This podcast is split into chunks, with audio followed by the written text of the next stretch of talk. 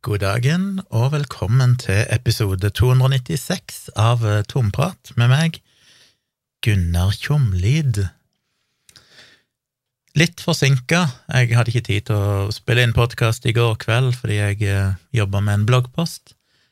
Og så er det jo litt ferie nå, så det må vel være lov å være litt sein sånn av og til. Prøver mitt beste å holde en viss rutine her, men vi får se om det blir faste podkaster hele sommeren eller ikke. Men det er iallfall episode 296. Jeg har litt å prate om, for å se om det blir en uh, kort episode eller hva det blir, men, men jeg har jo denne nye bloggposten som kanskje noen av dere har sett. Jeg følte jo for å skrive en liten oppfølging etter den uh, forrige bloggposten som kom Når av det? Var det forrige lørdag, etter denne terrorangrepet i Oslo, som jo skapte furore. Eh, det har ikke vært ei god uke for meg, fordi hjernen min har jobba veldig, veldig mye. Jeg tror jeg nevnte det sist, at selvfølgelig har jeg fått mye kritikk. Eh, jeg har fått veldig mye positive tilbakemeldinger. Og det er ikke det at kritikken plager meg, det er jo sagt før. Det er ikke det om folk skriver et eller annet dritt eller er kritisk, eller Det er ikke det store problemet. Jeg får jo med meg hva kritikken går i, så jeg går jo i meg sjøl og prøver å tenke liksom, er det noe i dette, og burde jeg gjort noe annerledes? Men det som sliter meg ut, er jo den der frustrasjonen da over misforståelser og at det er ting jeg opplever som så åpenbart, og så er det folk som overhodet ikke ser det. Og det var vel som jeg sa, vet ikke om det var i livestreamen min eller om jeg sa det i podkasten, men det føltes jo som at det var en bloggpost som var veldig sånn if you get it, you get it, eller if you know, you know. Det er liksom enten eller, enten så skjønner du greia, eller så skjønner du det ikke, og da er det vanskelig å formidle. Så hjernen min har kverna mye, og Tone har nok merka det, at jeg ikke har vært helt meg sjøl denne uka.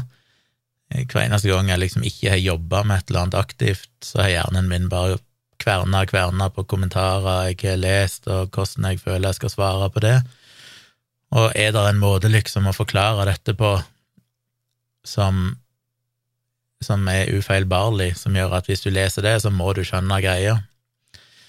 Så jeg har tenkt mye på det, og samtidig vegra meg for å gidde å skrive om det, for det er sånn åh, det er jo et ork, det tar mange, mange timer.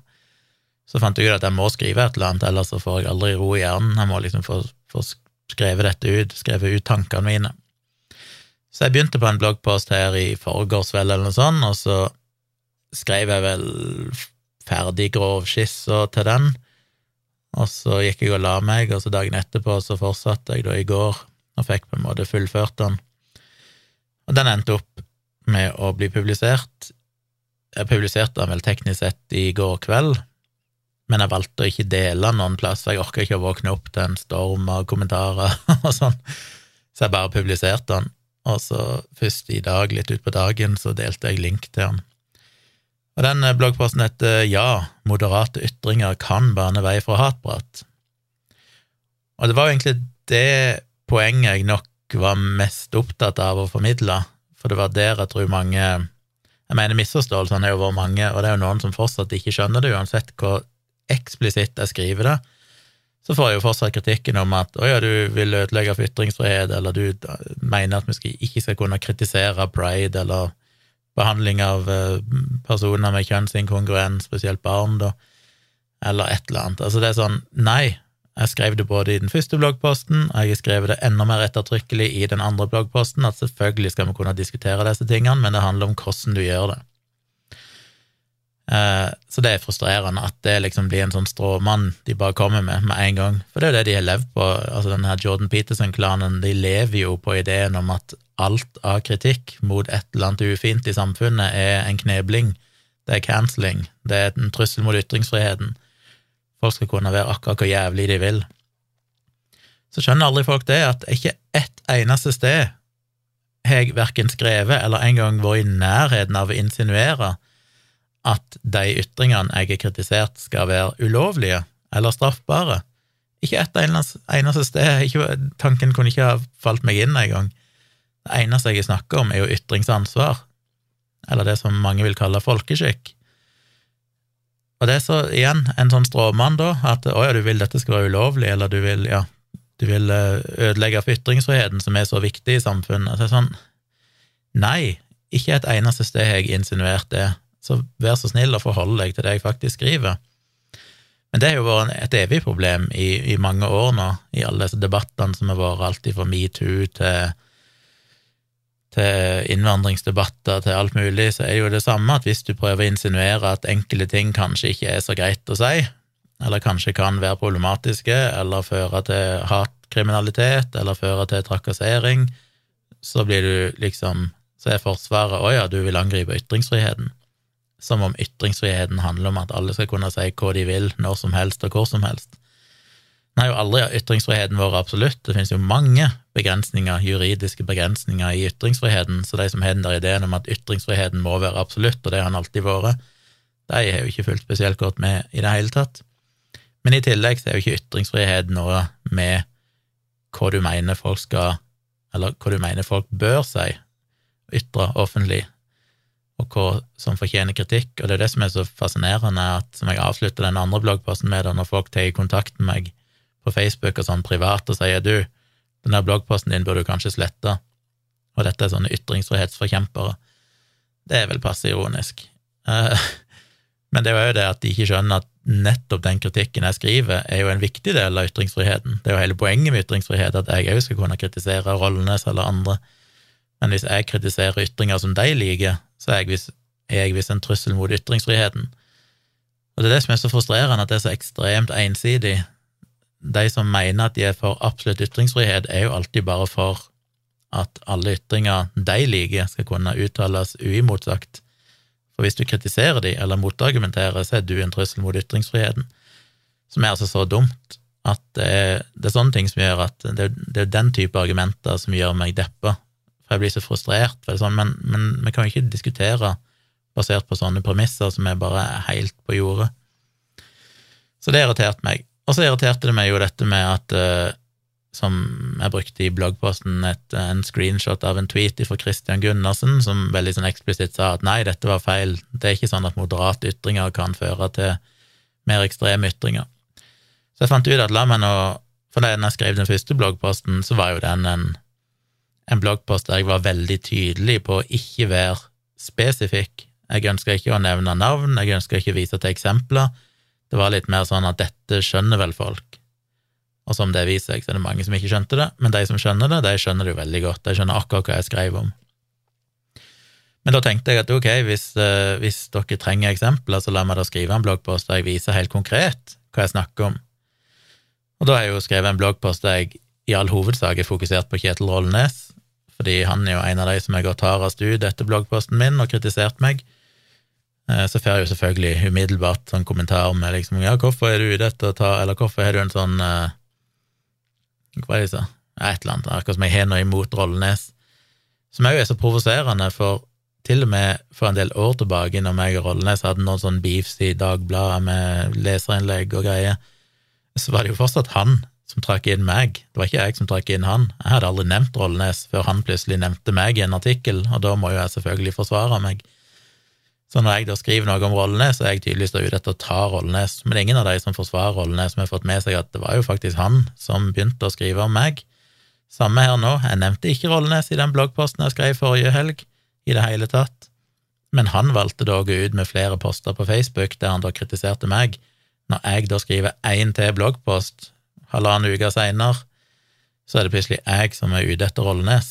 Det, er en sånn merkelig, merkelig, merkelig virkelighetsfordreining som en del sitter med. Fordi det bare passer, det virker greit for de å kunne påstå det uten egentlig å sjekke om det stemmer. Men det ble Rollnes, nettopp fordi han eh, har posta en del om meg, og da tenkte jeg la meg vise hva jeg mener, for han syns jo dette her, eh, den forrige bloggposten min, var helt total galskap og ikke var basert på noen ting i realiteter. Så det har jeg jo vist ganske systematisk her, nettopp hvorfor noen eh, Hvordan dette her foregår. Og jeg trodde jo at jeg var tydelig, men fortsatt er det jo mange som ikke i det hele tatt vil akseptere dette. Og poenget mitt er jo, når jeg skriver at moderate ytringer kan føre til mer ekstreme ytringer, og dermed òg hatprat og hatkriminalitet, så er jo hele poenget mitt at det er ikke spesifikt det rollene skriver som er problemet. Men det er det at han blåser i en sånn hundefløyte. Han poster veldig enspora om bare enkelte ting, som veldig ofte handler om islamkritikk. Eh, eller når det gjelder transdebatten og pride, så er han jo utelukkende kritisk, selv om han liksom er for pride og for alt dette her i teorien. Og Det er jo den samme sammenligningen jeg har brukt med George Gooding, som hevder at han er, han er ikke vaksinemotstander, men alt han har posta om vaksiner under pandemien, har jo vært posta for å gi inntrykk av at vaksinen ikke virker eller er farlig. Og det er sånn, da, da må en jo se hva du faktisk skriver. Hvis det er det eneste du skriver, så må jeg jo anta at du i utgangspunktet mener at folk ikke bør vaksineres mot covid. Eh, og selvfølgelig er det nyansert med aldersgruppe og sånn, og det har jeg skrevet om i bloggen min. Men poenget er at Rollnes skriver så ensidig på en måte som gjør at han vet akkurat hvorfor et publikum det han skriver, appellerer til. Og han vet jo til og med så godt at han gjerne må skrive i slutten av posten sin at eh, liksom NB, ikke noen ulovlige kommentarer her, eller oppfør dere i kommentarfeltet. Jeg mener, hvem andre er det som må skrive det? Jeg har aldri noen gang i mitt liv måtte skrive i slutten av en post at øy, ikke kom med noen hatefulle ytringer, eller ikke kom med noen ulovlige ytringer.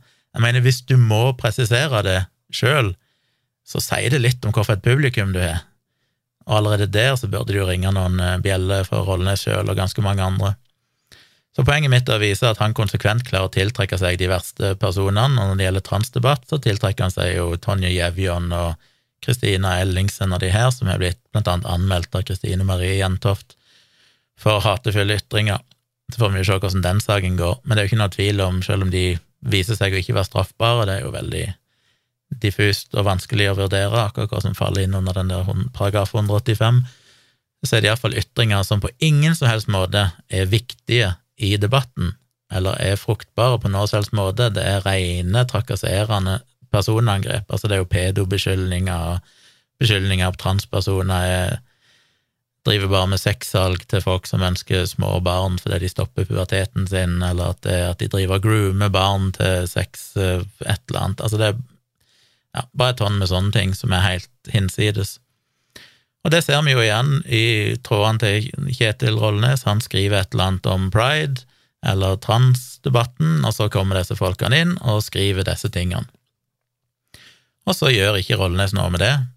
Han lar de skrive, og det kunne en i utgangspunktet ha sagt var greit, fordi at jeg heller ikke oversikt over alt som blir skrevet i mine kommentarfelt, men det som er så påfallende, er at Rollnes er til stede i kommentarfeltet sitt, men kun hvis det er noen som motsier han. Han er ikke noe kritikk av disse folkene her, og jeg har jo brukt han Kjell Erik Eilertsen som det første eksempelet, da, som er en fyr som har kommet med drøye rasistiske ting, truer med vold, alt mulig rart, i mange, mange, mange år, godt dokumentert av alt ifra Filter nyheter til mange andre. Eh, han får jo skrive akkurat det han vil, til og med på den nyeste posten til Kjetil Rollnes om denne angrepet på denne Sian-bilen, så kommer jo han inn med noe sånn ganske ja, Skal ikke kalle det direkte rasistisk, men noe som ikke er spesielt uh, greit å skrive, syns jeg. Uh, så poenget er at han er jo der fortsatt, han blir aldri stoppa. Men som det eksempelet jeg snakket om før, det er jo den gamle debatten tilbake i 2016, da han Eilertsen begynte å skrive om at innvandrere fra Pakistan var genetisk underlegne, og jeg påpekte at det er kanskje ikke helt greit å si, og så skal liksom Rollnes rydde opp i tråden ved å slette meg, og var vel han Erik Honoré som, eh, som protesterte på å begynne denne rasediskusjonen, eller raseteorier. Så sletta han åkke kommentarer, for han ville stoppe det genetikksporet i diskusjonen, for det var ikke relevant for trådstarten. Og det er helt fair at han kan si at det er en avsporing, men det at han la Eilertsen sin kommentar forstå den som faktisk hevder at pakistanere er genetisk underlegne, mens han sletter vår kritikk av det, er jo ganske interessant. Og hvorfor er det det? Jo, selvfølgelig fordi Eilertsen er jo en av forfatterne bak dette innvandrerregnskapet til Finansavisen, som vi skulle vise da at innvandrere var en enorm økonomisk belastning for Norge, og derfor måtte vi stoppe innvandring, måtte ikke ta imot flyktninger, som jo Kjetil Rålenes elsker, og han eh, vil ha han, han kan liksom ikke dytta vekk Eilertsen, for at uansett hvor voldelig og rasistisk han måtte være, så er han en nyttig idiot for Kjetil Rollenes. Og det er jo det som er problemet her, og det er jo det vi ser gang på gang sammen med disse transhaterne. Han klarer ikke å motsi dem, for at de er jo støttespillere. De hører jo når han blåser i hundefløyta, og kommer på en måte å underbygge hans sine poeng og sier de tingene som han ikke sjøl vil si, og han kritiserer det ikke. Det lengste han kan strekke seg til å si, er at han kanskje ikke ville sagt sånne ting direkte i ansiktet på en transperson, men det er liksom alt han vil si om det. Mens med en gang folk som Ole Martin Moen og andre kommer inn og sier at du, disse tingene er kanskje ikke helt greit, og det er en grunn til at de er blitt anmeldt, så møter de massiv motstand. Så det er jo det jeg mener, at en såkalt moderat ytring ifra Kjetil Rollnes, der han ikke sjøl skriver noe eksplisitt som er over streken, så skaper jo han den plattformen som de folkene som vi ellers ikke ville hørt så mye ifra, og iallfall ikke ville følt at deres meninger ble validert på noen måte, de blir jo da plutselig legitimert gjennom at de ikke får noen motstand, og at eh, han konsekvent skaper en plattform der han har forferdelig mange tusen følgere, og gjerne får tusenvis av likes på postene sine. Så han er jo en av de største plattformene for å spre denne type hatytringer, som jeg vil kalle det. Uh, og igjen, det handler jo ikke om at ikke, at ikke folk skal kunne Jeg mener, det er jo de fleste i de trådene jo, skriver jo ting som er, kan være kritiske til pride og kritiske til forskjellige aspekter ved transdebatten som er helt innafor. Jeg er kanskje uenig med de, men det er jo helt innafor å ta den debatten. Poenget er alle de som skriver ting som ikke er innafor, som allikevel da blir forsvart og ikke motsagt og han veldig systematisk kun motsier de som faktisk kritiserer han.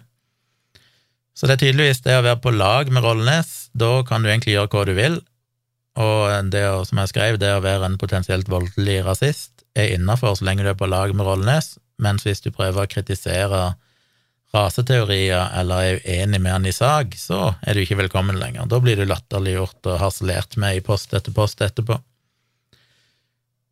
Så det er det som er liksom poenget, den der dynamikken der, og den sitter det langt inne for mange å forstå. Og så møter jeg jo da sånne ganske håpløse I dag har jeg jo fått interessante tilbakemeldinger, sånn som var vel Gunnarsen som atter en gang klager på at jeg skriver altfor langt, og samtidig så klager han på at jeg bare viser noen eh, enkelte eksempler som, ikke, som ikke overbeviser han. Så det er sånn at ok, så bloggposten var for lang, men jeg hadde for få eksempler til at han ble overbevist, hva er det da han vil? Han vil ha en kortere bloggpost med mer innhold. Det er vanskelig å få til. Jeg tror ikke det er så mye tom tekst i, i teksten min som ikke er nødvendig. Kunne sikkert kutta ned her og der, men allikevel, det er ikke det som er problemet. Han vil ha flere eksempler, men han er ikke interessert i å lese så mye. Så det er jo en interessant måte å unngå å forholde seg til poengene mine på. Uh, ja, det er ganske håpløst.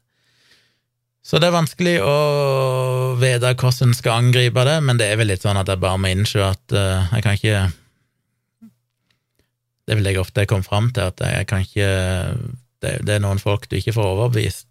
Du får ikke, de, de vil jo på en måte ikke se det perspektivet. Og så er det jo da andre som kommer inn og, og kommenterer, sånn en kommentar som var at de kunne ikke fatte hvor all denne her transhatet var hen, for de hadde aldri sett det. Og det syns jeg er veldig sånn to the point med hvor nettopp problemet i denne debatten ligger. Det var akkurat det samme i innvandrings- og rasismedebatter, det var akkurat det samme i dette med metoo og overgrep og sånne ting, og vi ser det samme igjen nå. Du har veldig ofte menn, og en del kvinner, som for eksempel i metoo-debatten var sånn at men de ville jo aldri synes det var et problem om noen tok de på rumpa på et utested. Ergo så er ikke det et problem og de som mener det er et problem, så er det noe galt med de. Så hvis du som dame syns det er ukomfortabelt at menn tafser på deg på et utested, fremmede menn, så er det deg det er noe galt med. Fordi at jeg syns jo ikke det er noe problem. Jeg syns jo bare det hadde vært kult hvis ei dame tafsa på meg. Og det er litt sånn Ja, det ser vi igjen her, fordi at disse personene ikke ser all denne transkritikken eller transhatet, så eksisterer det altså ikke. Så jeg svarte jo, en av de få kommentarene jeg faktisk svarte på, der jeg sa at dette er jo litt av problemet, da. Det handler jo om å lytte. Jeg skrev jo en bloggpost om det for noen år siden som heter det om å lytte til La oss lytte til kvinnene. Fordi jeg sjøl har jo gjort alle disse samme feilene. Jeg sjøl var der for noen år siden der jeg følte at mye av dette var overdrevet, og jeg klarte ikke helt å skjønne problemet, men lærte over tid å, forstå at jeg må egentlig holde kjeft. Det handler jo ikke om hva jeg måtte føle, for jeg kan ikke, jeg er ikke godt i deres sko, jeg kan ikke føle hvordan det er å være kvinne, jeg kan ikke føle hvordan det er å være transperson eller skeiv, eller komme fra en eller annen minoritetsbakgrunn. Så jeg må jo faktisk lytte til dem og høre hvordan de opplever det, og prøve å forholde meg det på et empatisk vis. Og av og til kan det være vanskelig, men da må man sette seg sjøl til side, og det er jo da det kom inn dette med å holde kjeft, som jeg skrev om i det første bloggposten det at hvis du ikke klarer å innta perspektivet i det hele tatt til den gruppa som mener at de blir dårlig behandla, så kan det være du faktisk bare skal holde kjeft, og kanskje la det gå noen uker eller måneder eller til og med år før du begynner å forholde deg til det. Da må du faktisk lytte litt, og det har jeg jo sagt mange ganger, at når jeg ser ting som jeg tenker at dette her er helt idiotisk, så har det veldig ofte vist seg at gitt nok tid, så var det jeg som tok feil. Da var det bare jeg som ikke skjønte problemstillinga godt nok. Eh, og det er jo virkelig prøvd å ta til meg og sett at hvis jeg instinktivt reagerer med at de der folkene der må bare skjerpe seg, så Ikke alltid det er selvfølgelig tilfeller der det er folk som faktisk bare må skjerpe seg. Men stort sett så har jeg jo sett at eh, med mer kunnskap og ved å lytte litt mer og snakke litt mindre, så skjønner jeg etter hvert hva de mener. Og det føler jeg jo at den der, eh, hva skal du kalle de, rollene slash Jordan Peterson-klanen, eh, eh, kulturkrigere, whatever, er veldig dårlige på. Veldig dårlige på å faktisk forholde seg til at det finnes andre som har en annen virkelighetsopplevelse enn deg, og målet er jo ikke å fortelle deg at de tar feil, målet må jo være å prøve å lytte til dem og skape et best mulig samfunn for flest mulig ved å forholde seg til deres opplevelse og iallfall, om ikke annet, møte de et eller annet sted på veien, heller enn å bare avvise det. Så jeg føler jo denne bloggposten her var veldig tydelig, men allikevel så får jeg jo den, den, samme kritikken igjen, og det er jo akkurat de samme folkene. Bare, det er liksom bare bingo, eh, bingobrett, eller hva du kaller det. Jeg kan bare sitte når jeg ser notifications og bare si ja, det var det navnet, ja, det var det navnet, det var det navnet, bingo. For det er de samme folkene som bare ikke vil forholde seg til dette. Og det er det jeg syns er kjipt, for jeg mener jeg har definitivt endra meg på disse områdene. Eh, jeg vil si at Dag har endra seg på mange av disse områdene. Vi har jo begge hatt en utvikling. Jeg kjenner andre som har endra seg. Men de her folkene endrer seg aldri. Det har vært de samme debattene i ti år, og de står på akkurat samme sted som de sto for ti år siden, og mener at de bare har rett, og at det eneste som gjelder, er deres virkelighetsopplevelse. Som er bare deprimerende. Så jeg vet ikke. Dere får lese bloggposten hvis ikke dere har gjort det allerede. Jeg setter veldig pris på om dere vil dele den, for jeg håper jo at eh, Jeg syns jo dette er viktig, en viktig tekst som trenger å komme ut. Dessverre så er det jo alltid sånn at den første bloggposten min fikk jo ekstremt mange lesere. Denne bloggposten får sikkert nesten ingen. Eh, som er litt kjipt, for jeg syns jo sånn sett denne bloggposten her er viktigere. Og den har jeg brukt, den første skrev jeg jo på under en time, en halvtime eller sånt, det var mer pløye ut noen tanker jeg hadde, mens denne har jo brukt mange, mange timer på å sitte og finne igjen eh, ting jeg vet jeg har lest i en eller annen tråd som jeg tenker det er et godt eksempel jeg må bruke, så tar det tid å sitte og skanne gjennom tusenvis av kommentarer i diverse poster sånn, og finne igjen gamle screenshots jeg har, eller finne ut hvordan jeg skal sette det i system på en måte som gjør at folk skjønner liksom greia, uten at jeg må dokumentere hvert eneste steg fra A til Å. Så det tar fryktelig lang tid, men jeg følte jo at jeg fikk med de viktigste poengene og eksemplene her, som burde gjøre det tydelig. Og jeg skulle mest av alt ønske at, at media så dette, og ikke gikk i automatisk forsvar, sånn som pressen gjerne gjør. Det er jo veldig få yrkesgrupper, tror jeg, som er så pretensiøse som journalister. Eh, jeg har jo veldig sjelden klart å nå fram med noe kritikk av eh, norsk journalistikk, fordi de er sånn helt at 'å, det vi gjør, er det viktigste yrket i verden', og 'vi er altså så perfekte', det er ikke måte på. Ja, jeg er helt enig i at det er kanskje et av verdens viktigste yrker, men, eh, men det at de er så uimottagelige for kritikk, fordi de lever i en veldig sånn rar boble, der denne her ideen om at vi må liksom verne om debatten, og den der begrepet eh, interessante stemmer, dette er en interessant stemme, er liksom så høyt uh, rager så høyt for de, heller enn å se litt mer på hvorfor noen folk er dette. Er det folk som faktisk skader debatten, mer enn de hjelper den? Jeg skulle jo ønske de kunne sett det med Rollenes snart. Rollenes er jo klippekort i alle landets aviser. Han har jo vært fast skribent uh, i de fleste aviser over tid, fordi han er i gåsehudet en interessant stemme, og det legitimerer jo igjen han. Det gir han flere følgere, som gjør at når han poster ting med sin hundefløyte, som tiltrekker seg da drittsekker som skriver alt mulig piss, så validerer jo det nettopp det pisset.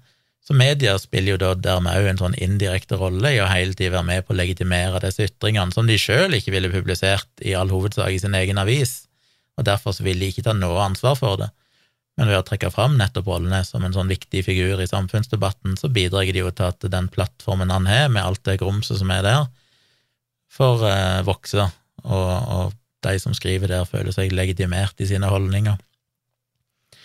Og selvfølgelig så må de jo sette han på trykk med dette her islamkritikken sin igjen etter terroren i Oslo. Eh, det er seinspora, og det er en sånn avsporing i for hva transdebatten egentlig handler om, som jo jeg snakket vel litt om i forrige podkast eller i livestreamen, som òg provoserer meg, det der med at de tror at å ja, det var en muslim, en, en, en islamist som utførte terroren i Oslo, Dermed er liksom saken grei. Da, da har vi plassert eh, Hva heter det? Eh, det er sånne begrep som jeg prøvde å komme på når jeg skrev bloggposten òg, som jeg ikke kom på, men noe lignende det å ha plassert skap. At du liksom har satt uh, nåla i veggen, holdt jeg på å si, nåla på et eller annet. Eh, da er det liksom pekt ut da, den som er ansvarlig, og da er alt greit. Det minner meg jo litt om den der pedofilidebatten, ikke sant, òg, med at hvis du bare får karakterisert noen som pedofil, så er du løst hele overgrepsproblematikken, selv om da en betydelig andel, og kanskje de fleste overgrep, blir begått av folk som ikke er pedofile. Så du løser jo ingen problemer på den måten. Eller dette med voldtektene og innvandringsmotstandere tror jeg at hvis du bare stopper innvandring, så forsvinner hele voldtektsproblematikken. Men sånn er det jo her òg, da. Hvis du bare kan få satt, eh, lagt skylda på eh, ekstrem islam, eller til og med moderat islam, som jeg er helt enig med er et stort problem, og jeg syns det er bra at folk som Rollenes peker på det og kritiserer det, men når det overtar sånn at det ikke er noen villighet til å diskutere at men disse holdningene finnes jo i aller høyeste grad òg hos folk som ikke er muslimer, eller konservative kristne, så blir det en avsporing, og da hjelper det ikke debatten. Da hjelper det ikke debatten, da skader det debatten og det gjør det vanskeligere å finne løsninger, fordi at i hans verden så løser vi problemet hvis, bare, hvis bare muslimer tar et oppgjør med, med, religionen sin eller sine holdninger, som blir da en fullstendig en fullstendig feil måte å angripe det på. Og så er det noen som påpekte jo at ja, men holdningene til skeive og, og, transpersoner blir jo stadig bedre i samfunnet, så hvorfor er dette et problem? Og det er jo litt interessant, fordi det ser ut til å være riktig. Det var jo nylig en artikkel nå som så på sånne undersøkelser de gjør, spørreundersøkelser, som viser at holdningene definitivt har blitt bedre. Folk har blitt mer aksepterende overfor skeive og transpersoner og alt mulig. Eh, selv om fortsatt tallene er altfor lave, da. Det i seg selv forklarer jo ikke at ikke all den store prosentandelen, som av og til kan være opp mot nesten halvparten av befolkningen, som ikke aksepterer det. Eh, det er jo ikke noe argument mot at de selvfølgelig fortsatt vil kunne komme med bedritne ytringer. Men det er jo ikke to ting som står i motsetning til hverandre, for det samme har vi jo sett med innvandringsdebatten, at holdning, holdningene til innvandrere har jo blitt bedre og bedre. Flere og flere syns det er greit å ha folk fra andre kulturer i sitt lokalsamfunn, eller at uh, ungene deres hadde gifta seg med en muslim, eller Alt dette her blir jo bedre hele tida, ser vi og folk blir mer positive til innvandring generelt sett. Samtidig så ser vi jo at debatten, rasismen, ser ut til å ha økt i kommentarfelt og Så, videre. så det samme vil jeg jo anta gjelder her, at selv om holdningene generelt sett blir heldigvis bedre og bedre, så er ikke det noen motsetning til at de, om det så er et lite mindretall, som faktisk har negative holdninger, spyr de ut i kanskje enda større grad enn tidligere, fordi de kanskje føler seg marginalisert. Så det er jo ikke noen argument mot at det derfor er det ikke noe problem lenger fordi at holdningene blir bedre. Jo, det er jo definitivt fortsatt et problem, og det gjør kanskje holdt opp seg nesten problemet verre, fordi at uh, ytringene gjerne blir verre og verre. jo mer aksept folk flest får for transpersoner og skeive, så vil de som er motstandere, bare bli mer og mer aggressive. Så det er jo et dårlig argument. Men ja, dere får lese bloggposten, del den gjerne. Eh, så håper jeg jo at jeg, selv om de vanlige navnene jeg ser alltid, ikke vil klare å forstå kritikken her, og er mer opptatt av å beskytte Rollenes og Jordan Peterson enn av å faktisk beskytte folk som lider under dette.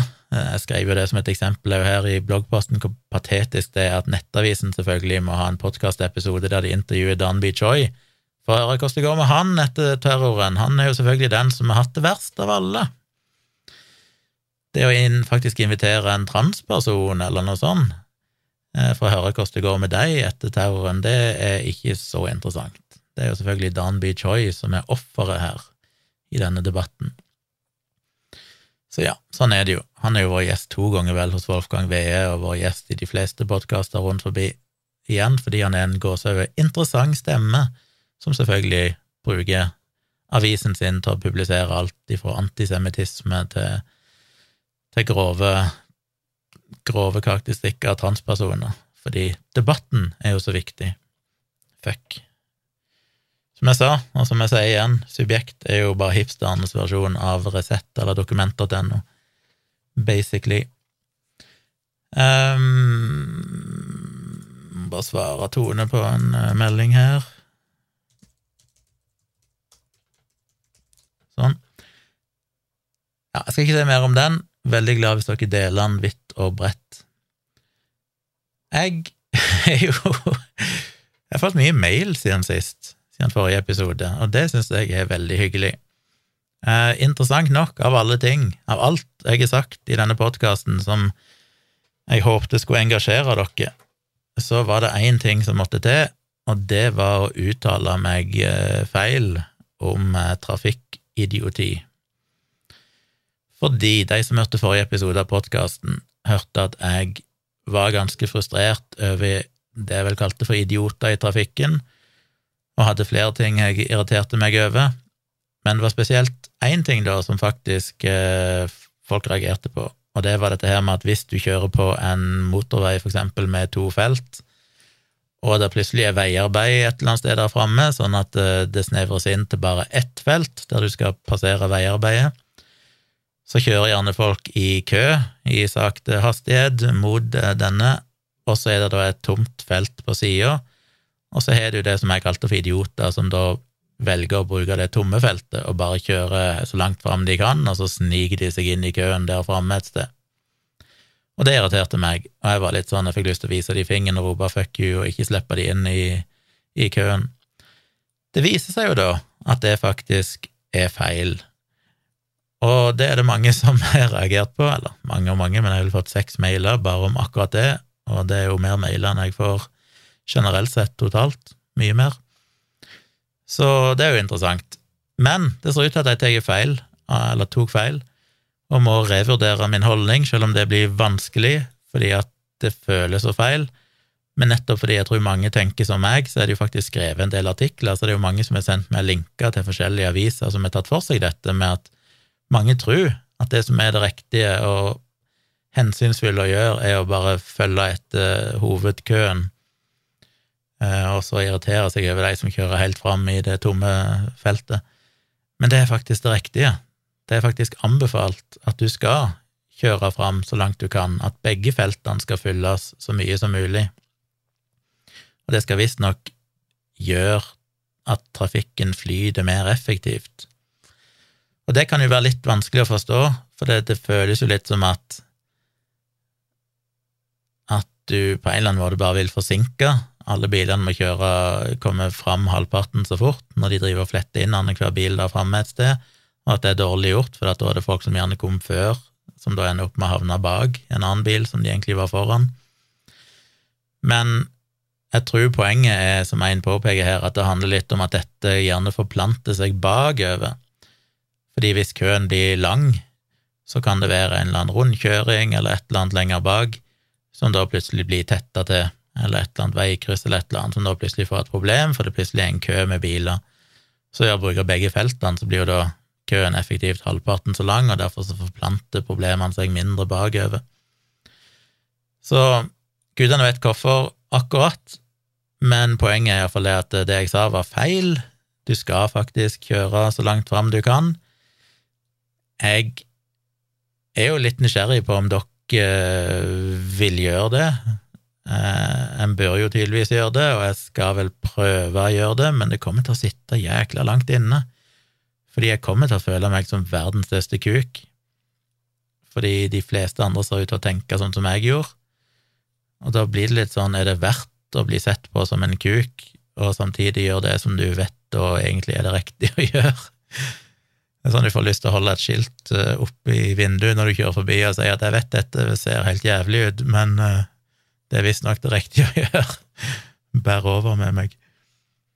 Men ja, da fikk vi iallfall korrigert det, så tusen takk for korreksjonen for alle som har maila meg, og òg takk for alle hyggelige meldinger jeg fikk. Det virker som at for å få en sånn positiv feedback, så må jeg bare si et eller annet som er feil, for da kommer alle og skriver at sånn å, jeg setter veldig pris på podkasten og gleder meg til hver episode, men Så det var jo verdt det, da, bare med at jeg fikk såpass mye hyggelige tilbakemeldinger. Så takk til alle dere som har maila meg, takk for alle hyggelige feedback jeg fikk, og takk for at dere har retta opp den feilen på en hyggelig måte, med dokumentasjon, mange av dere. Og nå håper jeg jeg retter det opp for dere òg, sånn at alle kan kjøre riktig i trafikken heretter. Så fikk jeg òg et spørsmål via Patrion Eh, jeg har jo en Patrion på patrion.com slash tjomli, der det går an å støtte meg. Både podkast og blogg og livestreams og sånn gjør at jeg får mulighet til å prioritere det. Får litt igjen for å bruke mangfoldige timer. Eh, et spørsmål som lyder som følger. Det er fra en som heter Mattis. Hei, jeg lurer på om du i en podkastepisode kunne snakket litt om hvilke eventuelle gunstige effekter omega-3-tilskudd har, og er det noen forskjell på, mellom kapsler og ren tran? Jeg har alltid hatt oppfatningen av at dette er det ene kosttilskuddet som har noe for seg, men det slår meg at jeg ikke har undersøkt det noe nærmere selv. Eh, ja, nå skriver han at jeg skulle holde han anonym. Jeg håper det var anonymt nok at jeg bare sa fornavnet, det finnes jo mange der ute ved det navnet. Eh, det er jo et godt spørsmål. Jeg blogga jo faktisk om det for tolv år siden, tilbake i 2010, da jeg reagerte på reklame for noe som heter for Naturlig krill fra Norvital. Inneholder 100% ren krillolje. Vet ikke hvor aktive de er, om de fortsatt finnes, det er ikke sjekka. Det finnes iallfall andre som driver med det samme. De brukte jo uh, Lasse Kjus og Dag Otto Lauritzen og Kjetil André Aamodt og sånn som talspersoner, og jeg husker jo på den tida at de hadde stands i Karl Johan og sånn, og sto og skulle verve deg til å abonnere på den her naturlige krillen, rød omega-3, og var overalt. Og jeg vet det at det, det var en som fortalte meg, husker jeg, for, tilbake igjen da for over ti år siden, at de hadde printa ut den bloggposten så når de møtte de her og selgerne i, i Karl Johan, så dro de fram bloggposten min og begynte å diskutere med de og vise til at det dere sier, er feil. Men poenget der, allerede da, i 2010, var jo at det ser ikke ut til å være noe god dokumentasjon på at det å ta omega-3 som kosttilskudd faktisk har noen effekt. Primært så handler det jo om at det skal ha en god effekt på hjertet, hjertehelse, og kanskje òg kunne ha en effekt på hjernen. Så la meg gå litt mer i detalj, eh, og her er jeg jo på tynn is, for dette er jo ikke mitt fagfelt. Det er det jo ingenting som er, bortsett fra data, kanskje. Men eh, generelt sett er jo dette, disse fettsyrene, da, eh, omega-3, vi deler dem gjerne inn i EPA og DHA, og det ser ut til at EPA er det som har mest effekt for hjerte og hjertehelse, mens DHA er det mye av i hjernen, i den grå massen i hjernen, som det er liksom viktigere for, for hjernen. Kroppen kan i veldig liten grad produsere de fettsyrene sjøl, så derfor blir de kalt for essensielle fettsyrer. Det er altså fettsyrer du må ta til deg gjennom maten. Eh, I planter så finnes det noe som heter for eh, ALA, alfa-lineolsyre, eller noe sånt, acid, og det kan kroppen omdanne til DHA og EPA, men i ganske liten grad, ser det ut til. Og det er jo litt relevant for folk som er veganere og sånn, men det skal jeg komme tilbake til. Eh, spørsmålet er jo da er det nyttig å innta dette her. Det, meste av eh, DHA og EPA får du jo i deg ifra havprodukter, da gjerne feid fisk, eller krill og, plankton og sånne ting. Eh, animalsk plankton. Så det er en viktig kilde å få, det er jo mye av grunnen til at du er anbefalt å spise så og så mye fisk per uke, eller spise fiskepålegg, makrell i tomat og sånne ting. Eh, fordi det, det er der du får i deg disse fettsyrene som er viktige for helsa. Og det en har sett for å gjøre dette det er, Her kan jeg skal lenke til en del artikler, så dere kan dykke ned i detaljene om hva alt dette her er for noe og sånn, men veldig sånn grovt så er det nok god evidens for at det å spise feit fisk, og ha minst, ja, hva er det de anbefaler, minst et par eh, fiskemåltider i uka, eller gjerne ha fisk på, som pålegg eh, flere ganger i uka, det ser ut til å være knytta til bedre hjertehelse, altså mindre risiko for hjerteinfarkt osv. Eh, muligens også positiv effekt på blodtrykk og, og mye rart. Så det ser ut til å være godt dokumentert. Det som derimot ikke er godt dokumentert, det er at det å ta omega-3 som eh, kosttilskudd, altså gjerne ta sånn omega-3-kapsler, faktisk hjelper. Det har tidligere vært en anbefaling, blant annet at de gjorde det hos folk som hadde hatt hjerteinfarkt, at de da ble anbefalt å ta, eller ikke bare anbefalt, men sterkt anbefalt å ta omega-3-tilskudd fordi at eh, det var vel en idé, og en trodde at hvis du var i risikogruppe, så så det ut til å ha en positiv effekt. og det skrev jeg jo allerede i 2010. Da skrev jeg at det de hadde kommet fram til, at det bare var fire påstander om fiskeolje som er grundig vitenskapelig dokumentert, og det var én i pasienter som har hatt hjerteinfarkt, så kan fiskeolje øke overlevelsesraten. Altså redusere risikoen for komplikasjoner seinere eller nye hjerteinfarkter og sånn. To, det reduserer nivåene av triglycerider, og triglycerider det er på en måte fettstoffer sånn som sirkulerer i blodstrømmen din, og det bør det ikke være for mye av. Nummer tre, i pasienter med høyt kolesterol så reduserer det risikoen for hjerteproblemer, men senker ikke dødeligheten. Og fire, det kan senke blodtrykket noe. Men dette var i 2010, så allerede da var jo evidensen liten for at det var noe vits i å ta kapsler med omega-3 hvis du ellers var frisk. Hvis ikke du hadde noen historikk med hjerteproblemer, så var det ikke noe, egentlig noe god evidens for at det, det hadde noe særlig for seg. Over tid nå, og i nyere tid, så er det kommet en del store, nye studier, og de har jo svekka grunnlaget ytterligere for at det faktisk skal ha noe for seg.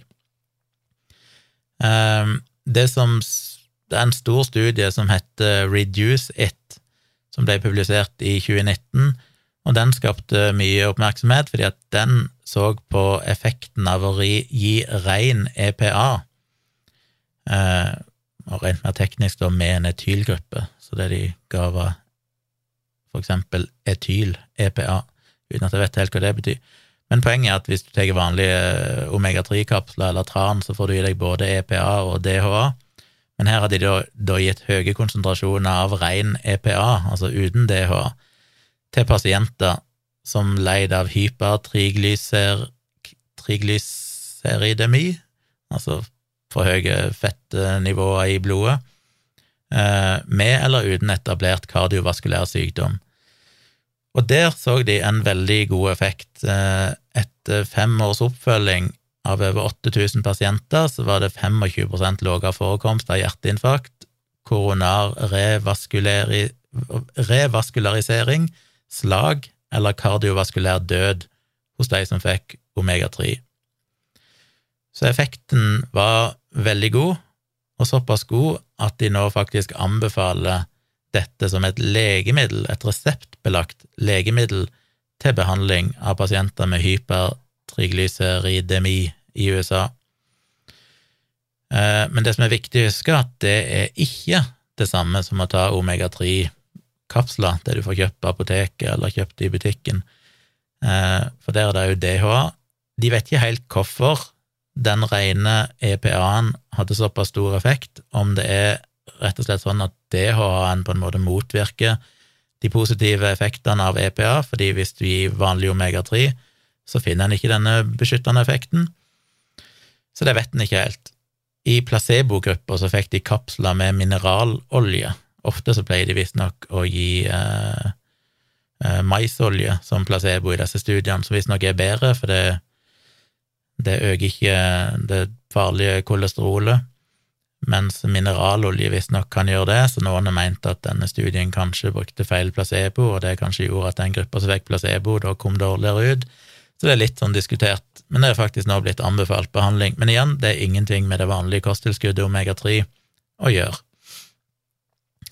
Eh, men så viser de da òg til en artikkel her, det er flere artikler, men her de jo viser de til flere studier som er gjort i nyere tid, som er svære og er ganske nye, sånn som en stor studie som ble publisert i november 2020, der de endelig hadde en, en studie som var stor nok til å sjekke om omega-3 faktisk hadde noen effekt, og de fant at for pasienter med hypertriglyseridemi og forhøya kardiovaskulær risiko, så var det ingen forskjell i forekomst av hjerteinfarkt, ustabil angina, koronar revaskulisering eller kardiovaskulær død ved omega-3-tilskudd på fire gram per dag versus placebogruppa.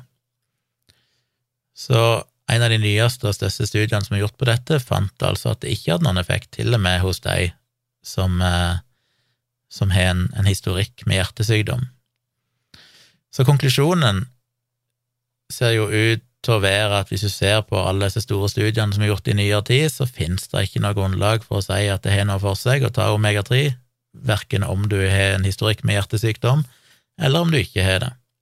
Derimot så eh, ser det ut til å være lurt å spise fisk, og det er jo fordi at fisk, sånn er det jo med alt, altså det å få i seg disse vitaminene og mineralene sånn, gjennom å heller spise grønnsaker og frukt og nøtter og alt mulig sånn, er bedre enn å ta det som tilskudd, fordi de selvfølgelig inneholder mange andre mikronæringsstoffer som i sum kan påvirke effekten av disse vitaminene.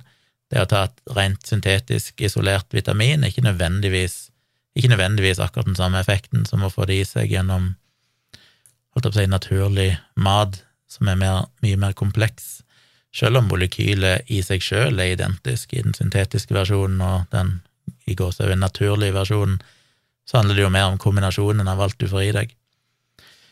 Eh, så spørsmålet er jo alltid det en ofte sier, at nei, som er det vanlige ankepunktet, at nei, du trenger ikke ta noen kosttilskudd. Nå var det jo nylig en ny studie som fant Skjønner, jeg skulle egentlig google fram før jeg starta på dette. Uh, Se om jeg finne den i full fart. Den kommer såpass nylig at jeg kan begrense søket mitt til siste uken.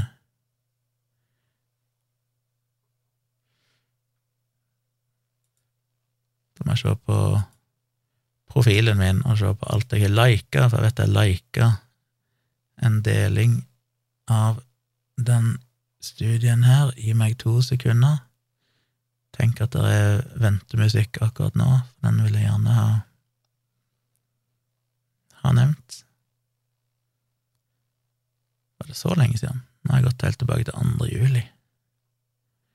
Nei, det var nyere enn det. Hvorfor dukker ikke den opp? La meg se på mine egne tweets and replies, for jeg er ganske sikker på at jeg retweeter den.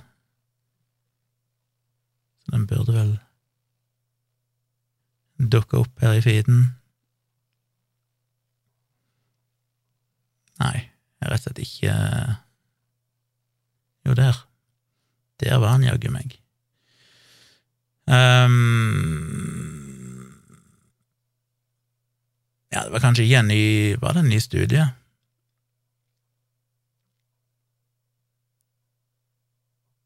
Nei, det var kanskje bare en artikkel. Men den er iallfall tittelen med at uh, myter om en amerikansk artikkel artikkelen som sier at myter omkring vitaminer er vanskelig å endre. Amazingly, negative vitamin studies don't seem to dent sales, which amounts to billions of dollars globally. Dette har jeg skrevet om tidligere, da, den enorme industrien som kosttilskudd er. Som jeg òg påpekte nylig, oppdaga nylig at velværeindustrien i verden omsetter for tre ganger så mye som hele legemiddelindustrien globalt. Så når folk snakker om at eh, vaksiner og legemidler og Big Pharma og alt mulig sånn, så bør de kanskje være klar over at det er de sverger til, som er dette velværeprodukter og kosttilskudd og alternativ behandling og sånn, en business som omsetter for tre ganger så mye globalt som det hele legemiddelindustrien gjør. Så det er jo et interessant poeng. Men òg salg av kosttilskudd eh, overgjenger jo langt salget av vaksiner i verden. Altså omsetningen av kosttilskudd er jo mye høyere enn vaksiner. Så det er jo en, en multimilliard dollar-industri. Og generelt sett så er det jo forferdelig mange som tar kosttilskudd og føler at det er det rette å gjøre, men i generelt sett så har det jo basically ingen effekt, og kan til og med være skadelig i noen tilfeller. Jeg skal lenke til den òg, hvis dere vil eh, lese. Må finner tilbake igjen den opprinnelige artikkelen min der. Men generelt sett så har det veldig lite for seg, og nå glemte jeg hva jeg snakker om. Men eh, tilbake til omega-3.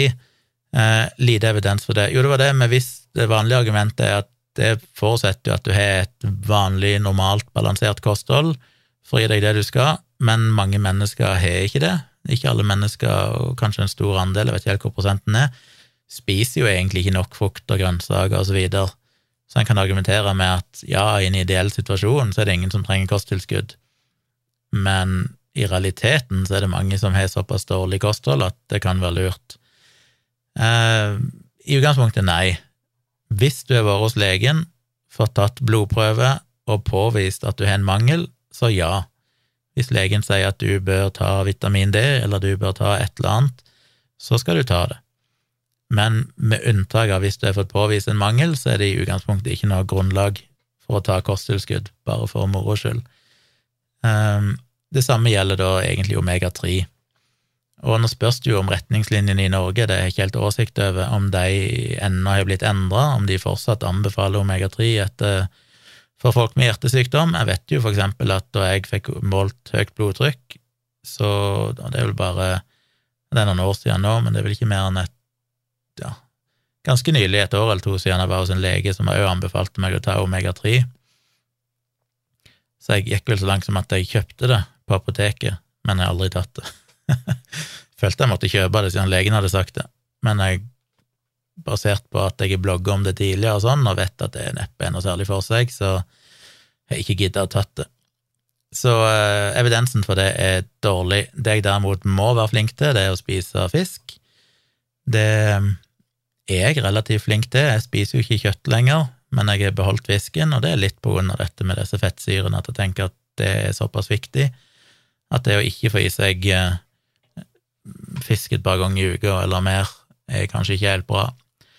Men det interessante er jo at Hvorfor en artikkel var det? Det var en artikkel jeg så på her som jeg hadde sett på effekten hos folk som var veganere, for eksempel. Og til og med der så fant de egentlig ikke at det var noe problem.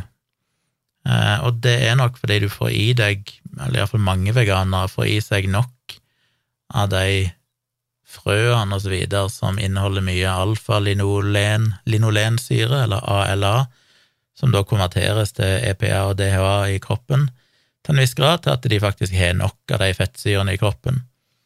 Og det er gjerne rapsolje, eller rapsfrø, linfrø, soyaolje, eh, og litt andre ting. Det kan det står litt mer om det i disse artiklene, hvorfor noen eh, planter som inneholder chiafrø, for eksempel, er rik på omega-3. Så, så, ja, du kan få i deg nok, men samtidig så krever nok det at du er veldig bevisst på hva du spiser. Da må du kanskje spise en teskje eller spiseskje eller hva dine anbefaler, de forskjellige frøene hver dag, eller få det i deg via salater eller andre ting. Og det er det jo slettes ikke alle som gjør, så jeg vil jo sagt det at hvis du er veganer, eller spiser lite fisk, så kan det kanskje være fornuftig med et omega-3-tilskudd. Er det noe forskjell på omega-3 og rein tran? Det glemte jeg egentlig å sjekke, for den delen av spørsmålet fikk jeg ikke helt med meg. Jeg var mer opphengt i omega-3. Så vidt jeg vet, så er det jo ikke noen vesensforskjell. Eh, tran inneholder vel kanskje vitamin D og sånn i tillegg, eh, men i prinsippet så har jeg ennå ikke, og dette sjekka jeg jo litt når jeg jobba i Folkeopplysningen, for å prøve å finne ut hvor nyttig dette egentlig var. Jeg fant ikke noe veldig god evidens for at det er så mye for seg å innta tran heller. På en annen side sett er det lite som tyder på at det er noen bivirkninger ved det. Det har vært mistanke om enkelte ting som kan øke, det var noe med hjerteflimmer og sånn, men det er det ikke noe god dokumentasjon på eller evidens for ennå, så det er veldig usikkert. Så mest sannsynlig Så jeg neppe noe fare ved å ta omega-3-tilskudd eller ta tran hver dag. Eh, men jeg er fortsatt til gode å se at det har veldig mye for seg. Men igjen, hvis du aldri spiser fisk, og kanskje til og med er dårlig til å spise grønnsaker og de rette frøene og planteoljene som gjør at du kan få i deg nok av disse fettsyrene, så ja, så ville jeg nok anbefalt å ta enten tran eller omega-3-kapsler.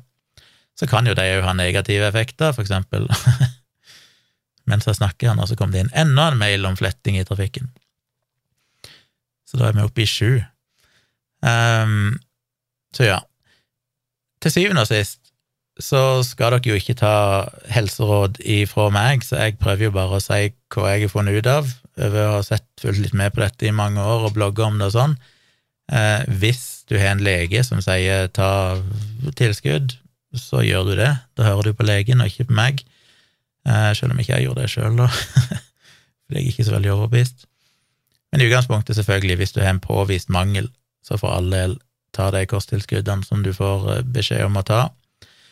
Men for folk flest, og iallfall hvis du ikke har noen historikk med hjertesykdom, eh, vil jeg ikke ha brukt pengene på det. Det ser neppe ut til å ha noe for seg, og evidensen for at det faktisk beskytter mot hjertesykdom og sånn, blir bare dårligere jo mer forskning som kommer til og med hos folk som har en historikk med hjertesykdom. Men jeg skal legge ved noen lenker her som har litt mer detaljer, så dere kan lese sjøl og gjøre opp deres egen mening om det. Så det vel, det ble jo faktisk en, en episode, det. Men uh, sånn avslutningsvis så må jeg si at jeg har omsider fått gjort ferdig bryllupssida mi på foto.tjomli.com slash bryllup. Eller bare inn på foto.tjomli.com og trykk på bryllup i menyen. Jeg har fått lagt ut bilder fra de nyeste bryllupsfotograferingen. Jeg har fått lagt ut noen hyggelige, veldig hyggelige, imponerende hyggelige anbefalinger fra de to siste brudeparene jeg tok bilde av. De var liksom helt over all forventning positive, eh, og la vekt på ting som jeg ikke hadde tenkt på sjøl, som jeg syntes var veldig kult, så de har lagt ut på nettsida mi med deres tillatelse. Eh, så den er egentlig ferdig, så veldig hyggelig om dere vil ta en kikk på den. Og hvis noen av dere skulle trenge bryllupsfotograf, så eh, ta gjerne kontakt. Nå tilbyr jeg jo både portrettfotografering, hvis dere bare vil ha noen brudebilder, noen parbilder og sånn, så kan jeg gjøre det. Det er liksom den billigste pakken. Eller jeg kan tilby halvdagsfotografering, som er inntil fem timer, eller du kan få full dag, som jeg har inntil ti timer. Eh, så det kan dere jo kikke på under prisene mine der inne, hvis det skulle være aktuelt, eller tipse andre hvis dere vet noen som skal gifte seg.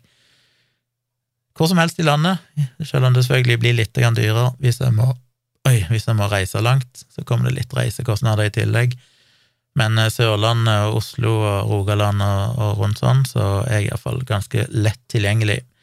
Og jeg er mer enn villig til å reise langt hvis uh, folk er villige til å betale for det, og liker bildene mine, syns det er verdt det, så hadde jo det bare vært kult. Så ta gjerne en kikk på det. Jeg har jo masse andre bilder Jeg får mye annet jeg har tatt bilder der inne på fotosida, så det kan dere jo selvfølgelig òg kikke på, men bryllupssida mi er iallfall oppdatert. Nå til helga så blir det en liten miniferie hos oss, så det blir nok ikke noen podkast. Eh, det blir kanskje en på fredag, muligens, men det blir nok ikke noen på tirsdag, fordi at da er jeg vekkreist. Skal ta en bitte liten miniferie der meg og Tone og dattera mi skal ta en liten svipptur innom Tonstad for å hilse på egentlig hele familien min, for mine foreldre bor der, og min yngre bror med familien sin bor der, mens min eldre bror og hans familie bor i Ålesund. Men de er på Tonstad nå, de pleier hver sommer å, komme til Tonstad og være der en stund. Så vi svipper innom der for å hilse på hele gjengen, men siden det er så mange der nå, så er det ikke egentlig plass til dere å sove, så vi skal ikke overnatte. Vi skal rett og slett bare kjøre litt tidlig til Tonstad, tilbringe ettermiddagen og kanskje litt av kvelden der, med litt grilling oppe i Tjomli og sånn, og så kjører vi rett og slett videre samme dagen og fortsetter oppover Sirdal, og så over Brokkesuleskarveien, som det heter, eh, og så kjører vi til Morgedal, der jeg har booka hotell, og det er ca. litt over tre timers kjøring ifra Tonstad. Og når vi kjører på kvelden, så kommer vi jo til å være der ganske seint, så vi rekker ikke å kjøre helt til Oslo, for det er der vi skal til slutt, så vi måtte finne en eller annen plass å overnatte. Problemet er at jeg er jo litt seint ute, sånn at alt av hoteller var jo fullbooka på alle sånne småplasser på den veien, Valle og Dalen. Jeg ville helst bodd på Dalen, eller i Dalen, eller i Seljord, for det er jo veldig idylliske steder, men der var det jo helt umulig å finne noe ledig hotell. Så det endte opp med en plass midt imellom, som er Morgedal, der de hadde et hotell som hadde ledige plasser. Så da overnatter vi der en natt, og så kjører vi videre neste dag mot Oslo, så vi kommer til Oslo på ettermiddagen en gang på søndag. Og så blir vi der til tirsdag. Og ettersom meg og Tone har denne bitte lille hybelen i Oslo, der kan vi sove, men det er ikke plass til en tredje person der, så jeg måtte rett og slett booke hotell til dattera mi. Så jeg måtte ringe hotellet og spørre er det egentlig lov at dattera mi, som jo er 15 år gammel, kan bo der alene. og det var det. Men jeg måtte signere et sånn eh, samtykkeskjema eller et eller annet sånn ansvarsskjema siden hun var under 18 år. Eh, så det hotellet ligger ganske nærme der hybelen vår er, så vi kommer jo til å stort sett være sammen på dagene, men akkurat på natta så må vi rett og slett bare shippe henne inn på et hotellrom, og det syns jo hun er veldig stas. Så det er jo bare luksus for henne å kunne ha sitt eget rom uten noe. Så hun syns jo ikke det er vondt på noe selvs vis. Så det blir jo interessant. Eh, så vi blir et par dager i Oslo, og det er litt fordi at når jeg bodde i Oslo, så var jo dattera mi hos meg ganske ofte. Men nå er det ganske lenge siden hun har vært i Oslo, så jeg tror hun òg hadde litt lyst til å komme tilbake til Oslo. Det er jo hyggelig at vi flytta til Vennesla for å bo nærmere henne. Samtidig er det jo litt kjipt for henne ikke få de Oslo-turene. Eller kjipt og kjipt, jeg vet ikke om hun tenker så mye på det, men jeg tror hun hadde litt lyst tilbake nå, en liten tur. Så vi kan gjøre de vanlige rutinene. Vi pleide jo alltid å spise på Yo Sushi i Østbanehallen. Det ble liksom en sånn liten tradisjon når hun var hos meg, og spesielt fordi vi gjerne skulle reise til flyplassen etterpå, så hun kunne reise hjem med fly. Uh, ja, så vi skal gjøre litt av det. Spankulere litt rundt og nyte forhåpentligvis fint vær. Så kjører vi hjem igjen på, på tirsdag ettermiddag. Og på fredag i neste uke, ikke denne fredagen, men neste, så skal vi inn til Kristiansand, til vaksinasjonskontoret der, og få tatt reisevaksiner før Kenya-turen, for da må vi jo proppe oss fulle av vaksiner. Jeg, som den eh, kontrollfriken jeg er på sånne ting, jeg sendte jo en henvendelse til dem og liste opp alt vi har tatt av vaksiner før, og datoer og alt mulig, alle, liksom, alle detaljer.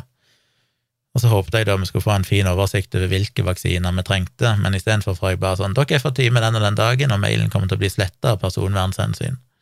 Sånn, ah ja, so much for å gidde å ta seg bryet til å gi dem den informasjonen. Ah, det minner meg på at jeg må jo få en oversikt over de vaksinene før vi skal der. Ja, så det blir litt reisevaksiner. Jeg vet ennå ikke helt hvorfor noen vi trenger å ta, fordi det er litt sånn diffust på nettsidene til regjeringen og sånn med hvilke vaksiner du egentlig må ha, for det kommer litt an på hvor lenge du skal være der, og hvilke områder du skal besøke og sånn. Jeg har jo nylig tatt Boostrix polio, den ser det ut til at du må ta, for du må ha poliovaksine. Eh, Tone har ikke tatt den etter hun ble voksen. Dattera mi fikk jo den i 2014 eller noe sånt, for den tar de jo når du vokser opp. Så jeg tror kanskje ikke meg og hun trenger ta den. Tone må kanskje ta den, og så må vi ha noe gul febervaksine, muligens, og så må vi ha malariatabletter eh, og alt mulig sånt som vi må ha med oss, så vi får se hva som trengs. Jeg har jo prøvd å søke om visum og alt dette her, men jeg har fortsatt ikke fått noe svar på det, så jeg håper at det blir godkjent. Eh, jeg blir litt bekymra når det tar så lang tid. Til slutt vil jeg bare komme med en, en siste liten anbefaling, og det er Mulig jeg har sagt det før, men vi har jo nettopp sett ferdig Love, Death and Robots på Netflix, som sikkert mange av dere har sett, for det, den er jo ikke helt ny. Det er jo tre sesonger som ligger ute. Det er jo bare en serie med små, korte episoder, ofte bare på rundt ti minutter, som er helt, i utgangspunktet helt uavhengig av hverandre, selv om et par karakterer går igjen i et par episoder. Men det er ikke noen sammenheng, så du kan egentlig se det i akkurat den rekkefølgen du vil som er litt sånn science fiction, litt filosofiske, får, du, får litt sånn Black Mirror-vibber av det, men alle episodene er jo animerte. Det er ikke noen ekte det er ikke noen ekte ting i det, så enten, men stilen varierer fra episode til episode, så noen er, er ren sånn litt sånn japansk inspirert tegninger, tegneserie eller tegnefilm, andre, og de fleste kanskje, er veldig forseggjort datagrafikk, som er altså så insanely bra At det er noen scener i noen av de episodene som er sånn at det er helt umulig å forstå at dette ikke er ekte. Til og med av mennesker. Selvfølgelig, når du ser, ser hele episoden, så ser du fort at dette er datagrafikk, men i korte sekvenser så er det noen sekvenser som er så realistiske at det er helt ufattelig. Og det er så interessant. Det, det, det, jeg blir sånn mindblown, for jeg tenker jo liksom på eh, Avatar, kanskje, som liksom det ypperste av teknologi. Men dette ser jo bedre ut enn Avatar, og dette er jo liksom bare noen små episoder på Netflix, så det er helt sjokkerende at sånn, denne teknologien finnes. De kan faktisk gjøre det så bra, til og med med mennesker, at du tidvis ikke klarer å se at det er fake. Hvorfor, hvor, hvor langt det er med unna at du kan bare lage Altså, jeg har jo sett uh, sånn som Ready Steady Ready, Ready Player One, eller hva heter, og enkelte sånne som er veldig bra, Eh, der hele filmen er datagrafikk og er veldig realistisk, det òg, men det er liksom ikke på dette nivået. Men det jeg vil anbefale, hvis dere liker litt sci-fi og liker litt sånn filosofiske Black Mirror-aktige dilemma eller fremtidsvisjoner, litt mørke fremtidsvisjoner og sånn, så må dere absolutt sjekke ut. Men den siste episoden i tredje sesong, en episode som heter Girabo, den er altså den, det, det, er nok ikke den for meg den beste episoden rent sånn fortellingsmessig, altså selve historien. Den er litt mindre interessant, selv om den er interessant og fascinerende. Men rent visuelt så er det altså noe av det mest uh, uh, Hva er det rette ordet? Fengende. eh, imponerende eh, creepy, merkverdige, bare visuelt spektakulært.